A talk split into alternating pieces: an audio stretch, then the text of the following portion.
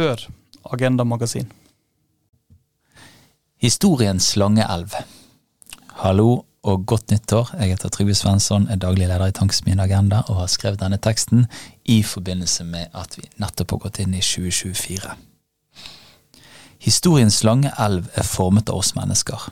Noen har vært der før, noen kommer etter. Det vi gjør nå, kommer til å bety noe i framtiden. Da er det nye året her, 2024. Det høres ganske friskt ut. 2024. Det er noe vakkert med årstallene, at de er blitt telt hvert år på den tiden når solen har snudd. Steinalderbyggverket Stonehenge i England er basert på solen, og sånn sett en forløper til vår egen gregorianske kalender som ble innført på 1500-tallet for å fikse unøyaktighetene fra den forrige, oppkalt etter Julius Cæsar. I Kina bruker de lunisolarkalender. Den er basert på både solen og månens omløp. Der er vi fremdeles i harens år, fram til februar, og da entrer vi det 4722. året. Det høres kanskje, kanskje mye ut, men i Etiopia bruker de den egyptiske kalenderen. Der har vi passert 5000 år.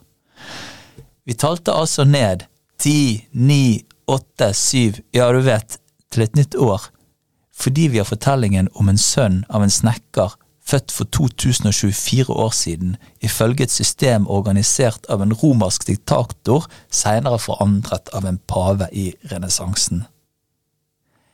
Det minner oss om at historiens lange elv er formet av oss mennesker. Noen har vært der før, noen kommer etter. Det vi gjør nå, kommer til å bety noe i framtiden. Like før jul ble jeg bedt, sammen med flere andre, om å gi noen sitater til en nyhetssak om hva som var bra med 2023. Det var ikke lett. Krigen i Ukraina gikk fra blodig invasjonskrig til langvarig skyttergravskrig. Den er nå, nå inne i sin tredje vinter, frontene er størknet, og Russland håper at Donald Trump skal bli president i november. Palestina er forandret for alltid.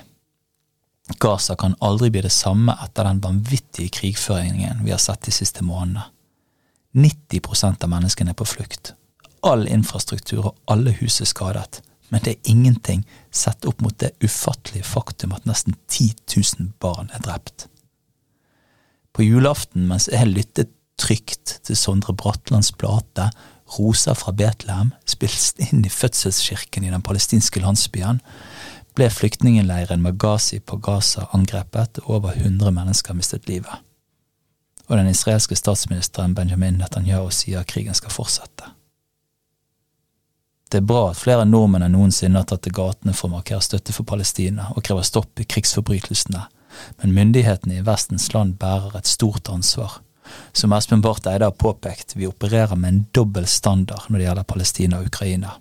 Her og nå er det en tragedie for menneskene på Gaza, som i motsetning til Ukraina ikke har noe sted å flykte.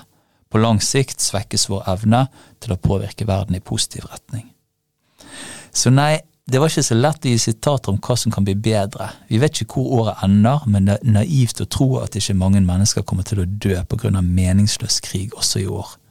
Det nye året er ikke helt blanke ark. Men flere som ble intervjuet, trakk fram saker som er positivt, helt på ekte.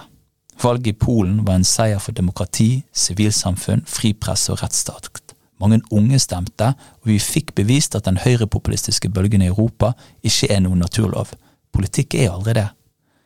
Naturen derimot har livsviktige lover, som at uten natur blir jorden ubeboelig. Naturavtalen ble vedtatt helt på tampen av 2022, og den skal stanse tap av natur og gi oss mer natur innen 2030. Den gir alt som lever på jorden noe av det samme oppmerksomheten som klima. Og apropos klima, så gikk COP28 i Dubai bedre enn forventet. Alle verdens land ble enige om å omstille energisystemene våre fra fossil til fornybar. Det går for sakte, men i riktig retning, og som jeg har skrevet om her i Agenda Magasin før, det er en gyllen anledning for Norge til å påvirke på det eneste området hvor vi virkelig slår langt over vår vektklasse, nemlig ved å la oljefondet bli en pådriver for grønne investeringer. Sjøl trakk jeg fram at årets habilitetssaker, og kanskje spesielt aksjekjøpsskandalen, kan svekke tilliten på kort sikt, men egentlig er et tegn på et system som fungerer. Vi har en kritisk presse og et storting som følger opp. Demokratiet funker. I 2024 går store deler av verden til valg. India, USA, Indonesia, Storbritannia, ja, syv av de ti største landene i verden velger nye ledere. Også i Russland er det et slags valg, selv om resultatet er gitt på forhånd.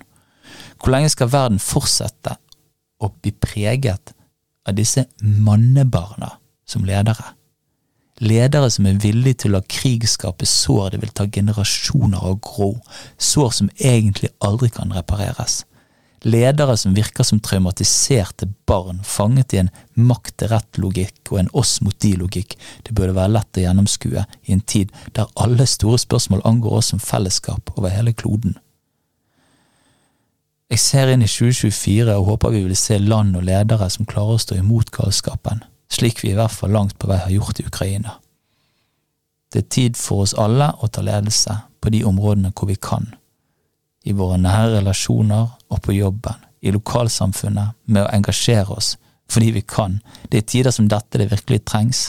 Det er uendelig mye bedre å gjøre én konkret positiv ting der du kan, enn å la maktesløshetens fortvilelse stoppe deg fra handling. Så la oss fortsette å demonstrere for fred, fortsette å ta ansvar for det som er rundt oss, og se våre medmennesker i øynene og ønske et godt nytt år 2024 for vi som er her nå, og for de som kommer etter oss i historiens lange elv. Godt nyttår.